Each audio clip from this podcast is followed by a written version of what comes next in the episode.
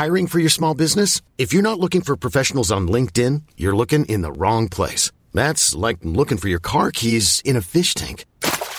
LinkedIn helps you hire professionals you can't find anywhere else, even those who aren't actively searching for a new job but might be open to the perfect role. In a given month, over 70% of LinkedIn users don't even visit other leading job sites. So start looking in the right place. With LinkedIn, you can hire professionals like a professional. Post your free job on linkedin.com slash achieve today.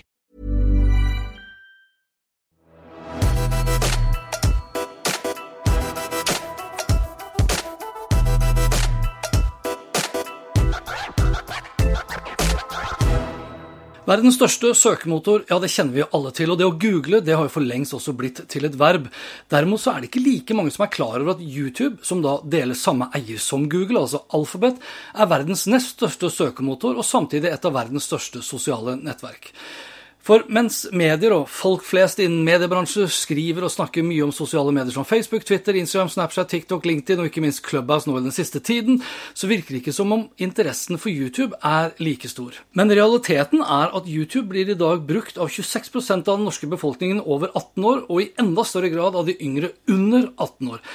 For ifølge Ipsos så har nesten 1,8 millioner nordmenn over 18 år en YouTube-profil, og nesten 3,2 millioner nordmenn over 18 år er innom YouTube månedlig eller oftere.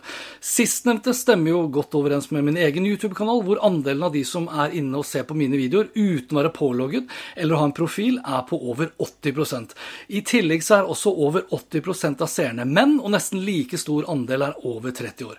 Uansett, 3,2 millioner månedlige brukere gjør YouTube til en av landets nest største sosiale nettverk. Rett etter Facebook.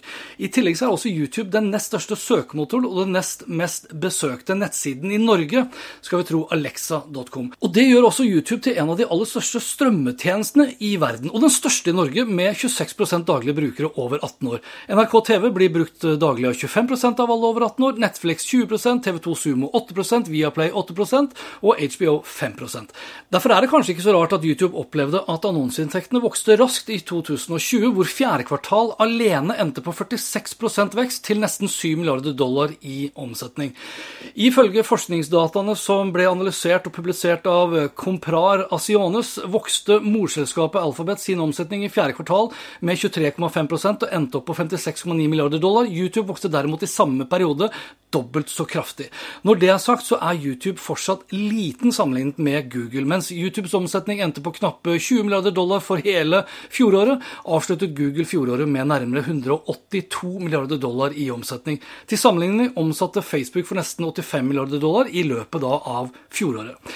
I Norge er det vel nesten ingen markedsførere som ikke har Facebook med i sin markedsmiks, men hvor mange er det egentlig som har inkludert YouTube?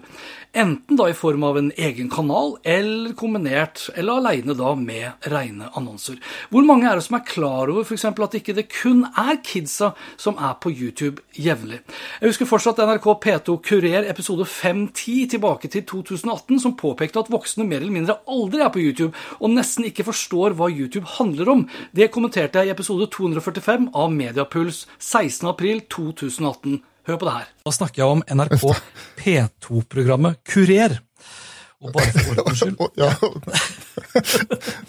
Bare for å understreke hvor gammel du er. Du hørte på P2, altså? Ja, Kurer. Og, og, det, jeg, og det, er derfor jeg, kommer nå til det vi kaller kalle kanskje for uh, hovedsetning nummer to. Jeg hører aldri på P2, men jeg hører på P2 som podkast, og da ja. P2 Kurer.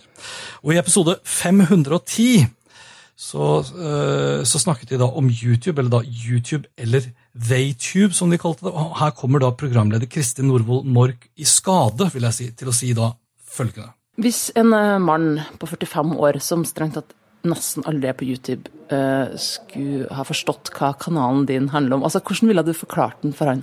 Og da skjønner, dere hva, da skjønner dere hva jeg mener. Nå som vi er på god vei inn i et nytt år, så er det jo greit å ha følgende statistikk og innsikt i bakhodet når man skal velge seg ut relevante kanaler for å drive markedsføring, salg og kommunikasjon. Blant annet så er YouTube den nest største søkemotoren i Norge. YouTube er det nest største sosiale mediet i Norge. YouTube er den største strømmetjenesten i Norge. 89% av YouTube-seerne kommer ikke fra USA. Over halvparten av alle norske menn mellom 30 og 60 år er på YouTube jevnlig. Nærmere 40% av alle kvinner, alle norske kvinner mellom 30 og 60 år, er også på YouTube jevnlig. 70% av YouTube-tiden kommer fra mobile enheter, og nesten 40 av all mobil internettrafikk kommer fra YouTube. Men YouTube-seing på den store TV-skjermen er den plattformen som vokser raskest. I dag så er det over 1 milliard videoer som blir sett på YouTube hver dag, og over 500 timer med video blir lastet opp på YouTube hvert minutt. Og det er da fordelt på over 2 milliarder YouTube-brukere, som tilsvarer en tredjedel av alle som er på internett nå i dag.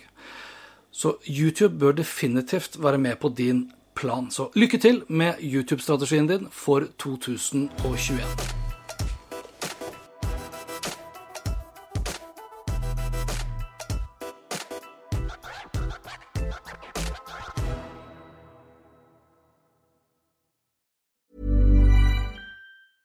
The biggest names in tennis are coming to Paris for the most anticipated Roland Garros in years. Tennis Channel Plus is your place to watch. Stream every court from your phone or smart TV live in HD. Experience three weeks of unparalleled tournament access as the world's top players in tennis face off against each other. Will the veteran champions continue their dominance, or will a fresh face emerge to challenge their legacy on the clay courts? Daily live coverage of this epic showdown begins Monday, May 20th. Don't miss a matchup. Stream it now with Tennis Channel Plus to be there when it happens.